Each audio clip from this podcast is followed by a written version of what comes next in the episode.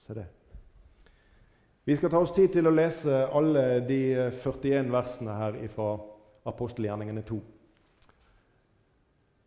Og vi begynner på vers 1. Og da pinsefestens dag var kommet, var de alle samlet på samme sted. Da kom det med ett en lyd fra himmelen som når et veldig stormvær farer fram, og fylte hele huset der de satt. Og det viste seg for dem tunger liksom av ild, som delte seg og satte seg på hver enkelt av dem. Da ble de alle fylt med Den hellige ånd, og de begynte å tale i tunge, i andre tunger, alt ettersom Ånden gav dem å tale. Nå bodde det i Jerusalem gudfryktige jødiske menn fra alle folkeslag under himmelen. Da denne lyden hørtes, samlet det seg en stor folkemengde, og de ble forvirret fordi de hørte dem tale, enhver på sitt eget språk. De ble helt ute av seg av undring og sa, Er ikke alle disse som taler, galileere? Hvordan kan, være, hvordan kan det da gå til at hver av oss hører vårt eget språk, det som vi er født i? Vi partere og medere og elamitter, vi som bor i Mesopotamia, Judea og Kappadokia, Pontus og Asia, Frygia og Pamfylia, Egypt og områdene i Libya mot Kyrene, og vi tilreisende fra Roma. Både jøder og tilhengere av jødenes tro, kretere og arabere, vi hører dem tale om Guds store gjerninger på våre egne språk. Alle ble forferdet og var i villrede. Og den ene sa til den andre, 'Hva kan vel dette være?' Men andre sa spottende, 'De er fulle av søt vin'. Da sto Peter frem og talte med sammen, da sto Peter fram sammen med de elleve. Han hevet røsten og talte til dem, jødiske menn og alle dere som bor i Jerusalem. La dette være kjent for dere, og lån øre til mine ord. For disse er ikke drukne slik som dere mener. Det er jo bare den tredje time på dagen. Men dette er det som er sagt ved profeten Joel.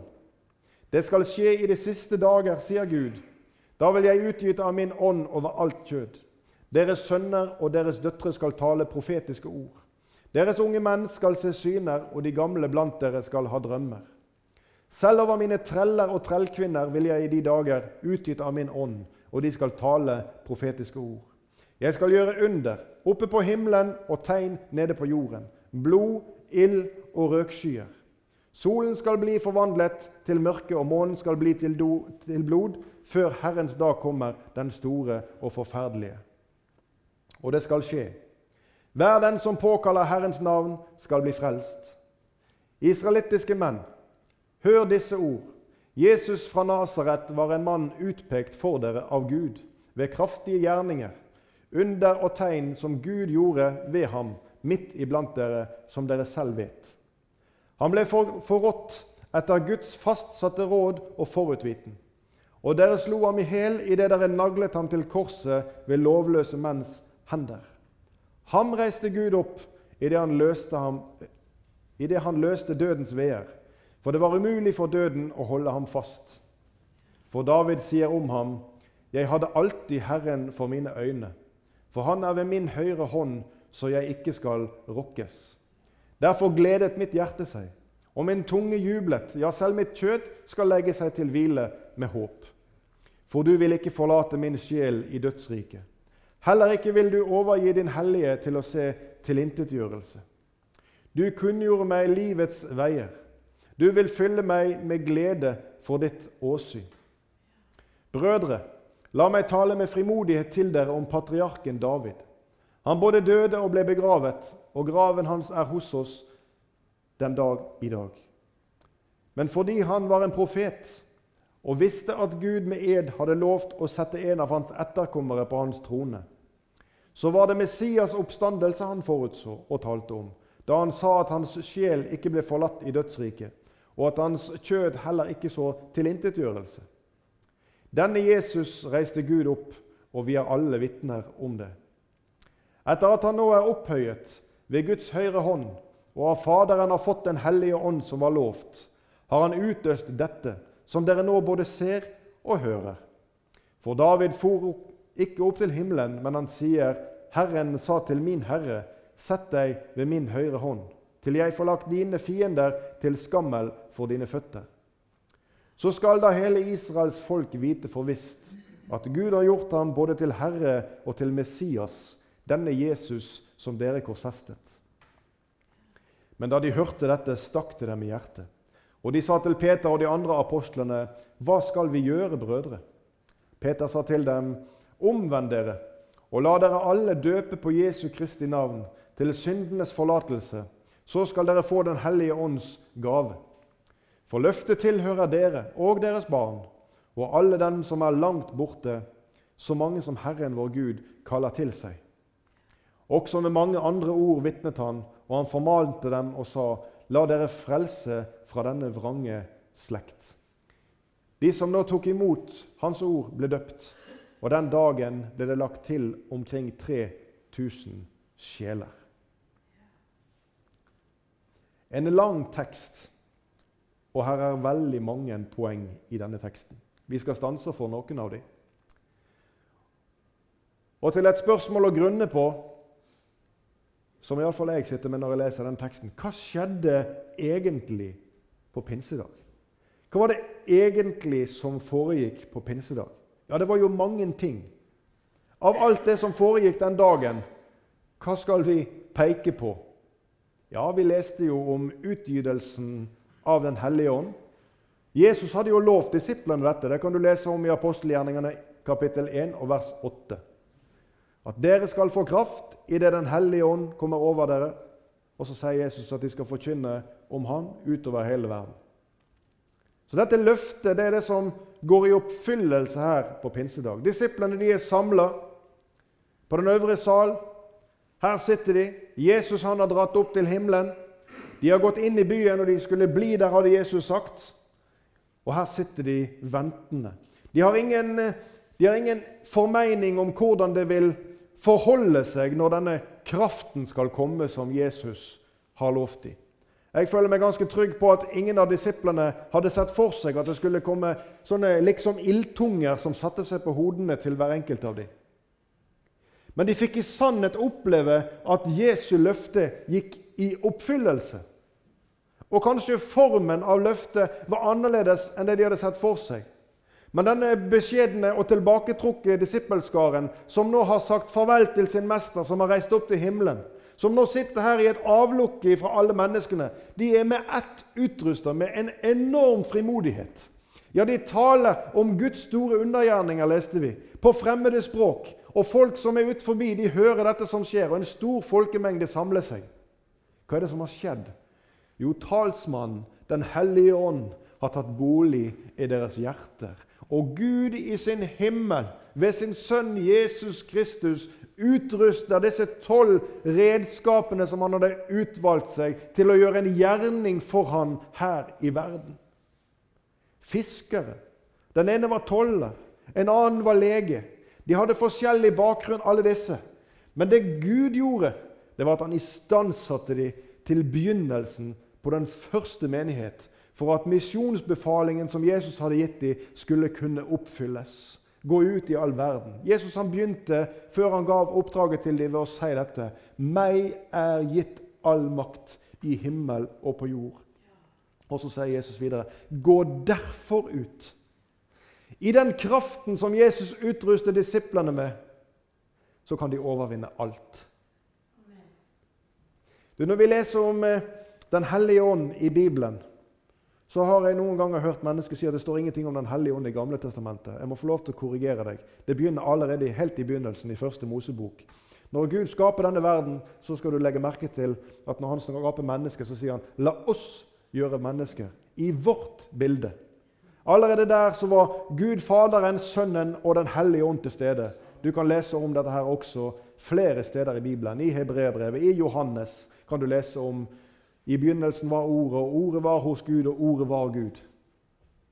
Du kan lese om hvordan Jesus kom til verden, om at han var hos Gud, at alt er skapt ved han, at alt er skapt til han. Allerede i begynnelsen leser vi om Den hellige ånd. Og så kan vi lese om hvordan Gud arbeider ved sin ånd. Det er ofte omtalt som Guds ånd. I profetene, i enkelte av kongene. Vi leser om at Guds ånd kom over dem, og så profeterte de. Et av mange steder er Saul, kong Saul. Du kan lese om det på egen hånd i 1. Samuels bok, kapittel 1, vers 10. Der, der står det sånn Da kom Guds ånd over ham, og han profeterte midt iblant dem. Utrustet med Guds ånd så er alt mulig. Når Jesus var i denne verden, så var denne verden utrustet med himmelens talsmann, synlig til stede. I gammel tid, altså før Jesus kom til verden, så var Guds ånd over profetene, over konger, og de profeterte det som Gud hadde å formidle til menneskene. Når Jesus var i verden, så talte han direkte med menneskene. Men når Jesus for opp til himmelen, så sa han at jeg skal ikke etterlate eller forlate dere her som faderløse. Men han skulle sende til dem talsmannen, Den hellige ånd. Og vi leser Johannes 14, vers 16-17. Og jeg vil be Faderen, og han skal gi dere en annen talsmann, for at han skal være hos dere for evig. Sannhetens ånd, som verden ikke kan få, for den ser ham ikke og kjenner ham ikke. Dere kjenner ham, for han blir hos dere og skal være i dere.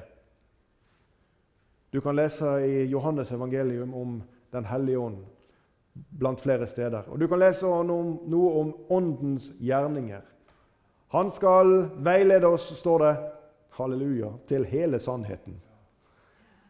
Han skal overbevise om synd. Han skal gjøre mange gjerninger, Den hellige ånd. Han skal åpenbare Skriften for oss. Han skal, som han gjorde med disiplene, gi frimodighet, innsikt, forstand. Han skal ikke ta av seg selv og gi til oss, sa Jesus, men han skal ta ifra Faderen, og så skal han gi det til oss. Han er talsmannen, formidleren. Når Den hellige ånd blir utgitt her på pinsedag, så finner vi et sett med disipler som har vandra sammen med Jesus, som har fått tatt i øyesyn de mange ting som Jesus gjorde. De har hørt Jesu mange ord om himmelen, om Gud, om Guds mektige gjerninger. De har sett han gjøre tegn og under og tatt del i noe av himmelens visdom gjennom Jesu ord.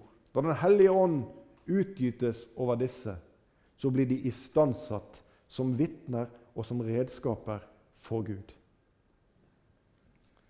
Er det da disse tungene som faller denne dagen, som er det viktige eller riktige underet? Ja, det er et stort under at Den hellige ånd kom, at løftet gikk i oppfyllelse, og at Guds hellige ånd tar bolig i menneskehjerter. Ja, det er et stort under. Isolert sett så skulle vi stoppe bare for denne delen. Og vi kan minnes det som skjedde på Betlehemsmarkene, når englene kom, og når de sang 'Fred over jorden' i mennesker Guds velbehag. Det var en, en, et innhold i den sangen som vi vanskelig kan klare å gripe. Fordi at denne syndige menneskeslekt mottok den julenatt budskapet fra himmelen om en forandring, en universell forandring. Om Guds fred over jorden. Om Guds velbehag i mennesker. Og det skjedde ved Jesus. Nå har Jesus På pinsedag så har Jesus fart opp igjen til himmelen. Og så kommer Den hellige ånd. Og så får disiplene frimodigheten, innsikten. Vi kan jo bare tenke oss Peter som en fisker som står frem og som holder denne talen som vi nettopp har lest gjennom alle disse versene i apostelgjerningene 2. Denne fiskeren som aldeles ikke var noe skriftlærd, men som uttaler seg om patriarker, og som forteller om profeten Joel, og som liksom trekker sammen de store linjene for hva som egentlig foregår her denne dagen. Istandsatt av Gud så kunne Peter gjøre dette. Du, Jesus han ber ikke deg om å gå og studere Skriften sånn at du kan den delvis eller kanskje helt utenat. At du må utruste deg på en slik måte at du har den rette fremleggelsen. At du kan være tilstrekkelig karismatisk. Jesus han ber bare om villige hjerter og ingenting mer. Resten, min venn, det kommer fra himmelen. Du kan ikke gjøre, og jeg kan ikke gjøre himmelens gjerning uten ved Den hellige ånd. For ved Han så kan vi få åpenbaring om sannheten. Og bare derigjennom. Så er da tungene det som er pinsedags under. Tungene er et under, men det er selve gjerningen som tungene skaper, som kanskje vi skal fokusere på. For det som skjer når disiplene taler i tunge her denne dagen, det er at vi får se ett av de tegn som Paulus senere taler om. Som skal være et redskap for det budskapet som himmelen vil legge inn i menneskers hjerter. Vi leste i apostelgjerningene 2, vers 11 om de som sto og hørte på dette som skjedde. Vi hører dem tale om Guds store gjerninger på våre egne språk. Legg nøye merke til hva som er temaet her. Det er ikke liksom bare at vi hører at de taler på vårt eget språk. Vi hører dem tale om Guds store gjerninger. Gud blir synlig for disse menneskene til frelse denne dagen gjennom at de blir påminnet om hvem Gud er, og hva Han har gjort. Og så blir vitnesbyrdet trukket gjennom profeten som har talt om det som skal skje denne dagen. Og så blir det slik at det griper disse menneskenes hjerter til frelse. Ja, Vi leste at det var 3000 som ble lagt til menigheten denne dagen. Du, Profetene i gammel tid, Jesus når han var i verden, og disiplene, de har noe til felles. De taler alle om Guds vilje, om Guds undergjerninger i fortid og i fremtid. Jesus han sa til disiplene, og dette leste vi fra apostelgjerningen 1,8.: Dere skal få kraft idet Den hellige ånd kommer over dere. Dere skal få kraft. Men kraft til hva?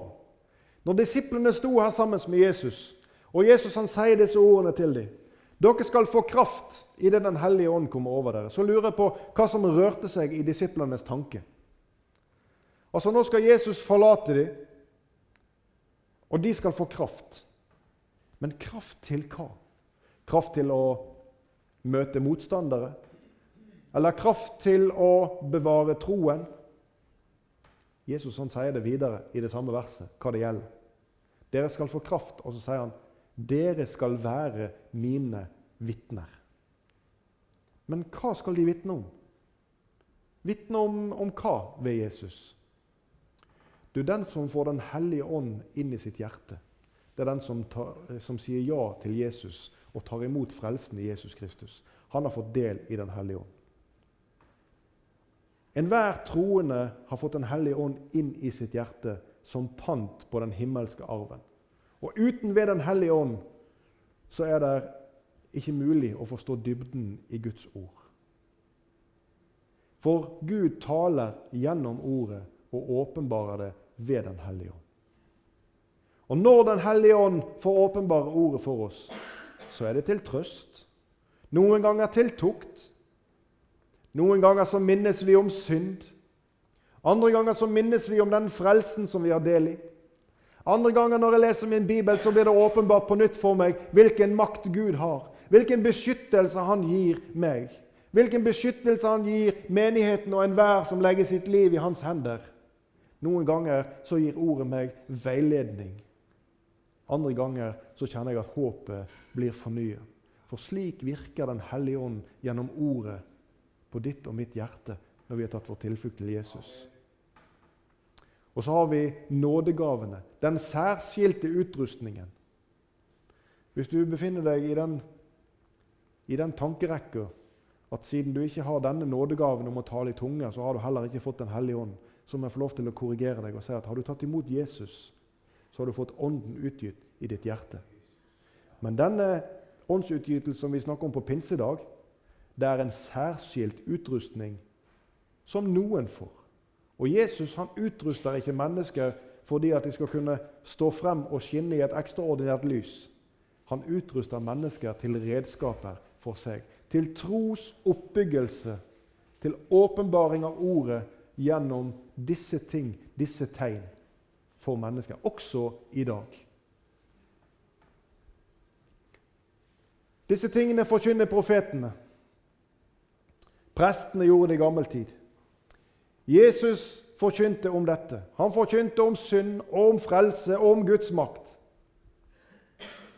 Budskapet det er gitt ifra Faderen, og det deles ut til menneskene.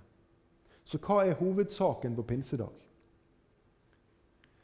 Jo, det er konsekvensen av utleggelsen av ordet.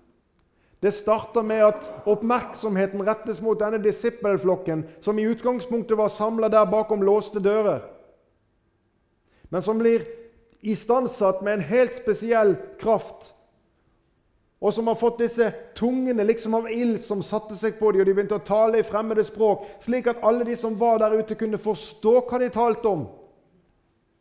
Og når denne talen, som alle sammen kan forstå, når deres hjerter, så leser vi apostelgjerningene 2, 37-38 om hva dette ordet, hvilken gjerning det gjør i disse hjertene. Det står Men da de hørte dette, stakk det dem i hjertet, og de sa til Peter og de andre apostlene, Hva skal vi gjøre, brødre? Peter sa til dem, Omvend dere, og la dere alle døpe på Jesu Kristi navn til syndenes forlatelse. Så skal dere få Den hellige ånds gave. Er konsekvensen av ordet som går inn i menneskets hjerte. Ja, jeg har en, en, god, en, god, kamerat, en god venn, som også er forkynner. Og Han sier det så enkelt og greit at når Den hellige ånd går inn og gjør rent i hjertet, da kommer vaskevannet ut gjennom øyenkrokene. Og slik kan det være, litt sånn billedlig talt. Når Guds ord rører ved hjertet, når synden blir synlig der inne, da får jeg bruk for Jesus. Da stakk det dem i hjertet, og de sa til Peter og de andre, 'Hva skal vi gjøre, brødre?' Kanskje du har stilt det spørsmålet noen gang. Hva skal jeg gjøre? I møte med Guds krav, hva skal jeg gjøre? Hvordan kan jeg gjøre opp? Hvordan kan jeg reparere? Og Noen mennesker står helt fast i dette spørsmålet. Hvordan kan jeg legge livet mitt til rette sånn og slik for at jeg skal kunne være i en posisjon til å kunne komme nær til Jesus? La meg få lov til å snu helt om på deg hvis du har den tankerekka. La oss ta det i motsatt rekkefølge. Kom først til Jesus, så skal han ordne med alle de andre tingene. Du skal ikke ordne med noen ting, for han har gjort alt. Og han rydder opp alt i ditt liv. Han renser ut enhver synd. Ja, Johannes han skriver det i 1. Johannes brev. Dersom vi bekjenner våre synder, er han trofast og rettferdig. Så han forlater oss syndene og renser oss fra all urettferdighet. Halleluja. Slik er Jesus også i dag. Og slik fikk menneskene oppleve Jesus på pinsedag gjennom Peter og de andre apostlenes forkynnelse av Guds store undergjerninger. Vi leser videre i apostelgjerningene 2,41. De som nå tok imot Hans ord, ble døpt. Og den dagen ble det lagt til omkring 3000 sjeler. Den første menighet etableres her. Den første menighet. Vi skal se litt på hva som skjer med menigheten, og hvordan det blir. For Den hellige ånd kommer jo inn i disse menneskenes hjerter. Så hvordan vil det nå fungere? Den første menigheten som er blitt til her, den er jo et verk av Gud ved Den hellige ånd. Og effekten av Den hellige ånds gave ja, det blir til et bindemiddel iblant disse, disse eh, som er i den første menighet. Og Slik skal det også være her i menigheten. Nå er jeg ingen baker. Men når du skal bake en deig, så må du ha et bindemiddel. For Hvis du bare har mel oppi denne her skåla, så vil det ikke henge sammen. Du må kanskje ha et egg eller noe annet oppi der. Iallfall har jeg prøvd det. Jeg er en enkel baker. Og da har jeg sett at da holder deigen i sammen. Du, Et bindemiddel det må også til i menigheten. Og det er Den hellige ånd som gjør dette. Hør nå hva Den hellige ånd har gjort med disse menneskene. Apostelgjerningen 2, 42-47. De holdt urokkelig fast ved apostlenes lære og ved samfunnet, ved brødsbrytelsen og ved bønnene. Og det kom frykt over hver sjel, og mange under og tegn ble gjort ved apostlene. Alle de troende holdt sammen og hadde alt felles. De begynte å selge eiendeler og gods og delte ut alle etter som enhver trengte det. Hver dag kom de trofast og med ett sinn sammen i tempelet, og i hjemmene brøt de brødet og holdt måltid med fryd og hjertets oppriktighet. De lovet Gud og var velsett av hele folket, og Herren la hver dag til La hver dag dem som ble frelst, til menigheten. Jeg måtte understreke dette, at det var Herren som gjorde dette. Paulus han understreker i et av brevene sine så skriver han at dette om å vanne om å så, men at Gud er den som må sørge for veksten, det har ikke forandra seg. Det står så godt skrevet, og det er til en trøst for en stakkars predikant, at evangeliet er en Guds kraft til frelse. Takk og pris at det ikke skal ligge i fremførelsen. Det er Gud, Herren, ved sin ånd, som virker på menneskehjerter. Som gjør at synden og at behovet for frelse blir synlig, og så skjer omvendelsen i den rekkefølgen. Mennesker må til korsets fot og si 'Takk, Jesus, for ditt blod'. Du, Hvis vi skal se på pinsedags hendelse i et litt utvidet perspektiv, så har jeg noen punkt. Den hellige ånds virkning gjennom sannferdig forkynnelse, gjennom fokus på bibelordet, så enkelt som Gud har latt det skrive for oss, så skjer det, nettopp dette i møte med dette ordet. Åpenbart til Den hellige ånd så skjer det som står som er Guds ønske i 1. Timotius brev 2,4, at mennesker skal komme til sannhetserkjennelse. Du vil lese om den bortkomne sønn. Han satt der i grisebingen og åt av den maten som var forsvinnende. Og så står det noe om han. Det skjer noe med denne sønnen der han sitter. Det står da kom han til seg selv. Det er Guds ønske for deg at du skal komme til deg sjøl og innse at slik som du er, slik som jeg er, så har jeg bruk for Jesus for å nå himmelen. Jeg har bruk for hans frelse her i dag. Og jeg har bruk for hans veiledning gjennom ordet for å nå det himmelske målet. Gjennom alle fristelser og vanskeligheter som dukker opp på veien. For Jesus han sa det til oss. I verden har dere trengsel, men vær frimodig, for jeg har overvunnet verden. Du har den beste ved din side, som ønsker å hjelpe deg inn gjennom himmelens port, om du vil. Men da de hørte dette, stakk det dem i hjertet, og de sa til Peter og de andre apostlene.: Hva skal vi gjøre, brødre? Er ikke det nettopp det som skjer? Det er sannhetserkjennelse. Hva skal vi gjøre? Det som skjer, er at det blir vekkelse. Og nye mennesker blir tillagt Guds menighet. Ikke Peters menighet. Ikke, ikke, noen av de andre Johannes eller Lukas sin menighet, men Guds menighet. Og Så skjer det noe her med disse, som, disse 3000 som kommer sammen. Og så står det jo at det kom flere til hver dag. Det må jo ha vært et fantastisk vekkelsesmøte. Det står noe om den troskapen som finnes til menigheten. Og Det er fire viktige elementer som blir understreket i disse ordene som vi nå har lest. I apostelgjerningene 2,42. De holdt urokkelig fast ved Og så kommer disse fire elementene. Apostlenes lære og ved samfunnet, altså med hverandre. Ved brødsbrytelsen og ved bønnene. Og Jeg har lyst til å ta litt tid til hver av disse. Det står at de holdt urokkelig fast med apostlenes lære. Du, Denne læren det er det uforfalskede og den rene og den bibeltro, basert på Guds ord alene, forkynnelsen. Samfunnet, det at de holdt de sammen. De hadde alt felles, leste vi. Hvis noen mangler noe, ja, de solgte eiendom. Jeg lurer på hvilket renommé disse første kristne hadde, denne menigheten. Du, De som er samla der, de, de, driver og selger eiendommer her. og eh, her er en stor mengde. De gir penger til hverandre. Ja, Det står at det kom stor frykt over folket. Det hadde skjedd en voldsom forandring. Er noe av det vi ser iblant disse første kristne, er det kjærlighetsfrykt? Er det den rette omsorgen for hverandre vi ser i disse menneskenes liv? I Galaterbrevet kapittel 5, vers 22-23, der står det Men åndens frukt er kjærlighet, glede, fred, langmodighet, mildhet, godhet, trofasthet, ydmykhet, avholdenhet. Jeg vil si at Alle de som står senere her, kan vi sammenfatte i det første. Åndens frukt er kjærlighet. For gjennom kjærligheten så henger alt dette andre sammen. Da det skjedde noe med disse menneskenes hjerte, med deres verdisyn. Hvordan er troskap til ditt gudsliv? Hvordan er troskapen din til menighetsliv? Hvordan er troskapen din til det personlige bibelstudiet?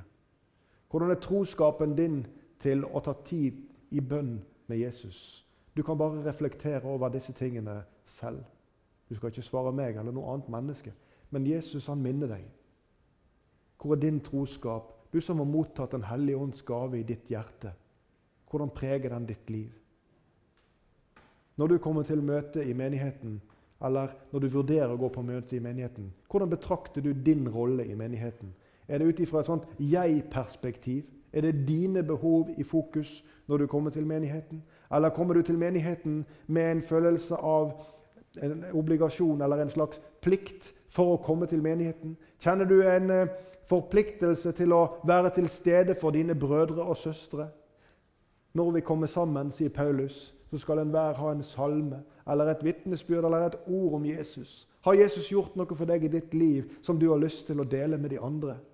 Du, Vi har en rolle, du og jeg, i menigheten, i Guds menighet.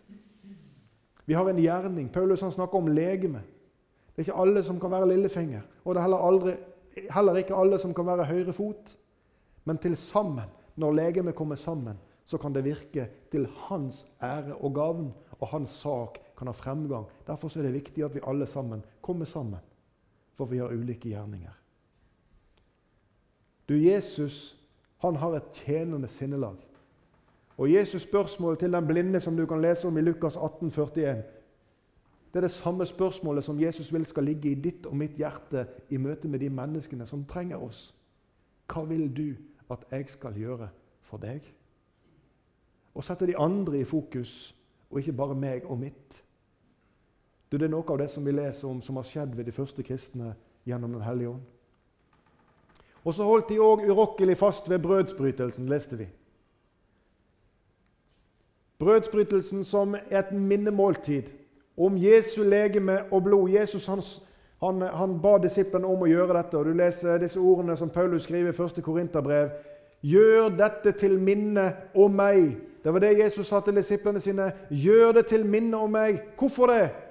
Jo, for gjennom denne forkynnelse så skapes det en forventning. Når jeg sang her i begynnelsen av møtet, så talte jeg litt om viktigheten av å minnes det himmelske målet. Viktigheten av å forstå at vi er frelst og har en plass i Guds himmel. For så ofte dere eter dette brødet og drikker av dette begeret, forkynner dere Herrens død inntil Han kommer. Halleluja. La det få være i ditt hjerte. La det få bo i ditt hjerte.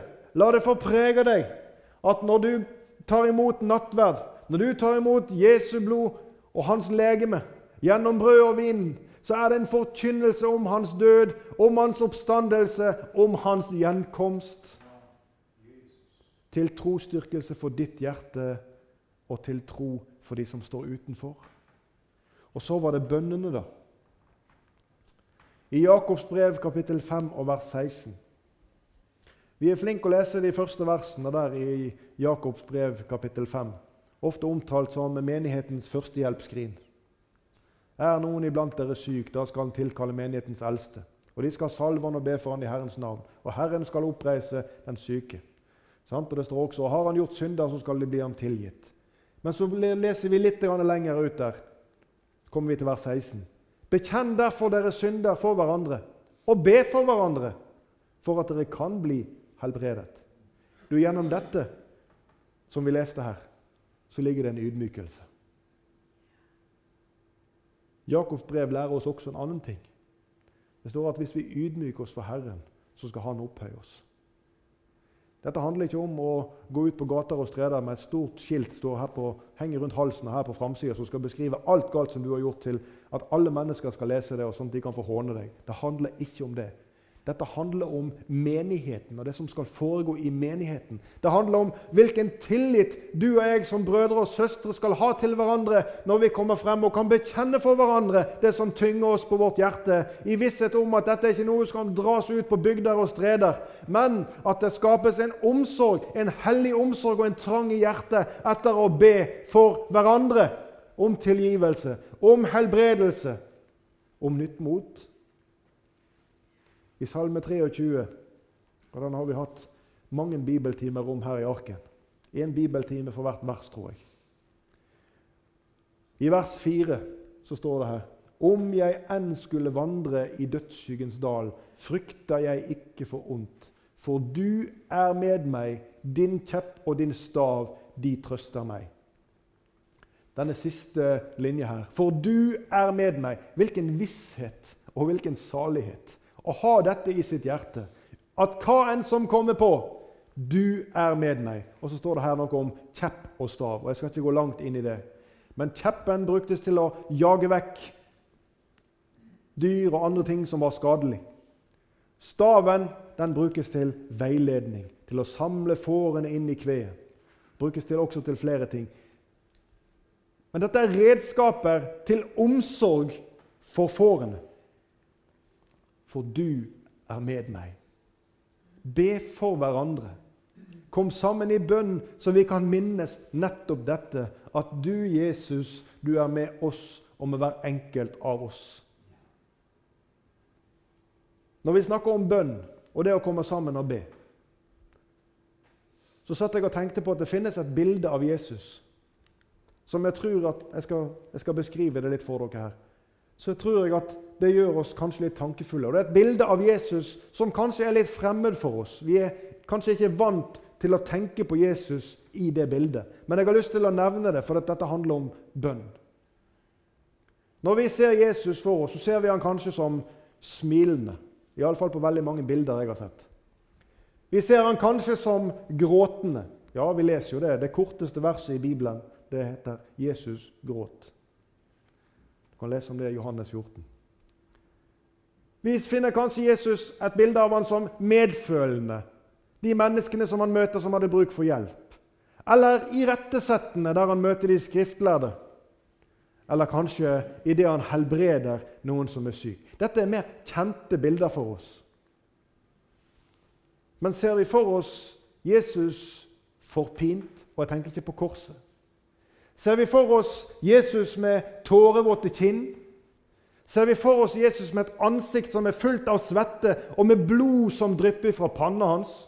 Det er et maleri som jeg tror vi ikke kanskje ser. Vi leser noe om dette i Lukas 22, 41. Og vi er i Getsemane. Der falt han på kne og ba. Ja, Det forteller vel noe om sinnstilstanden her. Han falt på kne og ba. Vi leser videre i Markus 14, 35 om at han falt til jorden og ba at timen måtte gå ham forbi om det var mulig.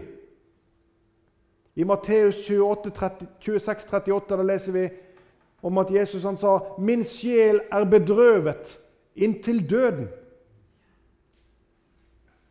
Eller i Matteus 26, 39 at han falt på sitt ansikt og ba. Og Jeg har to spørsmål til deg. Hvordan vil du male dette bildet av Jesus? Og det andre er passer et sånt bilde av en sånn person inn på bønnemøtet når vi samles? Passer det inn på bønnemøtet å falle på sine kne og rope til himmelen av sine lungers fulle kraft fordi at 'Gud, du må hjelpe meg'? Om å falle til jorden og be og si at 'Gud, kan denne timen gå meg forbi'? Er det mulig? Eller å være så fortvilt som det står at Jesus var, at sjelen er bedrøvet inntil døden. Du, Bønnemøtet det er en viktig arena for deg. Og det var en viktig arena for de første kristne å komme sammen så de kunne be for og med hverandre. Du, Bønnene det er fellesskapet hvor vi både kan takke Gud og be om hjelp, og begge deler kommer til uttrykk. Jakobs brev, kapittel 5, 16 igjen. Be for hverandre. Ja, er ikke det nettopp kjærlighetsfrukt? Ofte så forsøker du og jeg alle andre løsninger. Vi forsøker alt mulig annet hvordan vi kan rette på ting. Men Jesus sitt første valg når det oppstår ting, det er bønn. Han søker Faderens åsyn. Vi har litt å lære av Jesus også her. I Bibelen så taler vi om tre store elementer ofte. Og Det henger en flott plankett ute i, i gangen her i arken som har disse elementene i seg. Og Vår salige broder Jakob lagde han hjemme hos Jesus i dag. Og som handler om tro, håp og kjærlighet. Han lagde dette, dette som henger på veggen der ute, et flott bilde som et symbol for hva menigheten i arken skulle være for noe. Fundamentert på tro, håp og kjærlighet. Alle tre peker tilbake på de elementene som finnes i hjerter hvis Den hellige ånd har fått tatt bolig. 1. Korinterbrev 13, 13. Men nå blir de stående, disse tre. Tro, håp og kjærlighet, men størst blant dem er kjærligheten. Vi leste i Galaterbrevet. Åndens frukt er kjærlighet. Vi har hatt en del bibeltimer her i Arken som har handlet om tabernakler. Det er et tema som jeg aldri blir lei av å tale om. Jeg skal helt kort bare nevne, siden vi nå er innom disse fire elementene. I tabernaklet det er lagd av planker som står på høykant. For at disse plankene som står på høykant, skal holdes i sammen, så er det utvendig på disse plankeveggene så er det laga noen ringer i gull. Fire ringer på hver planke. Sant? Du ser for deg en planke som står på høykant, og så er det fire ringer på vei nedover. Og Så settes disse plankene ved siden av hverandre på en lang rekke. Det blir én vegg. Og så tres det sånne stenger gjennom disse fire ringene. Det er de fire tingene som holder veggen sammen, som forbinder den, og som er synlige fra utsida. Og vi leser igjen apostelgjerningene 2,42. De holdt urokkelig fast ved apostlenes lære, ved samfunnet, ved brødsbrytelsen og ved bønnene. Alle disse fire elementene synlige fra utsiden. Men det er et femte element. I disse plankene i midten så var det boret et hull igjennom som ingen kunne se fra utsiden. Også der er det trykt inn en stang som holder den sammen. Et viktig bindemiddel og Det leser vi om i Kolosserbrevet 3,14. Men overalt dette, ikle dere kjærligheten, som er fullkommenhetens sambånd. Og det fødes i hjertet ved Den hellige ånd. Det er ikke noe som bare en kan se som disse fire stengene og ringene på utsiden. Dette er en usynlig faktor som skal binde Guds menighet i sammen. Kjærligheten, som er fullkommenhetens sambånd. Vi skal gå inn for landing. Der er veldig mange ting mer å si om det som skjedde på pinsedag. Og jeg ser på klokka der bak, og den er min verste fiende når jeg står her Den hellige ånd, den utgytes over og bor i hver den som tror og har tatt imot Jesus som sin frelser i sitt hjerte. Og så finnes det særskilt åndsutrustning utover dette som vi leste om på pinsedag. Frelsen hvis du skulle tenke sånn at 'jeg taler ikke i tunger', eller 'jeg har ikke helbredelses nådegave', osv., da kan jeg ikke være frelst, for da har jeg ikke fått Den hellige ånd. Du, Frelsen den er ikke betinga av disse synlige ytre tegn, av disse synlige nådegavene som Gud utruster noen mennesker med. Han utruster etter sin vilje, etter de redskaper han ser han trenger for å få gjort sin gjerning.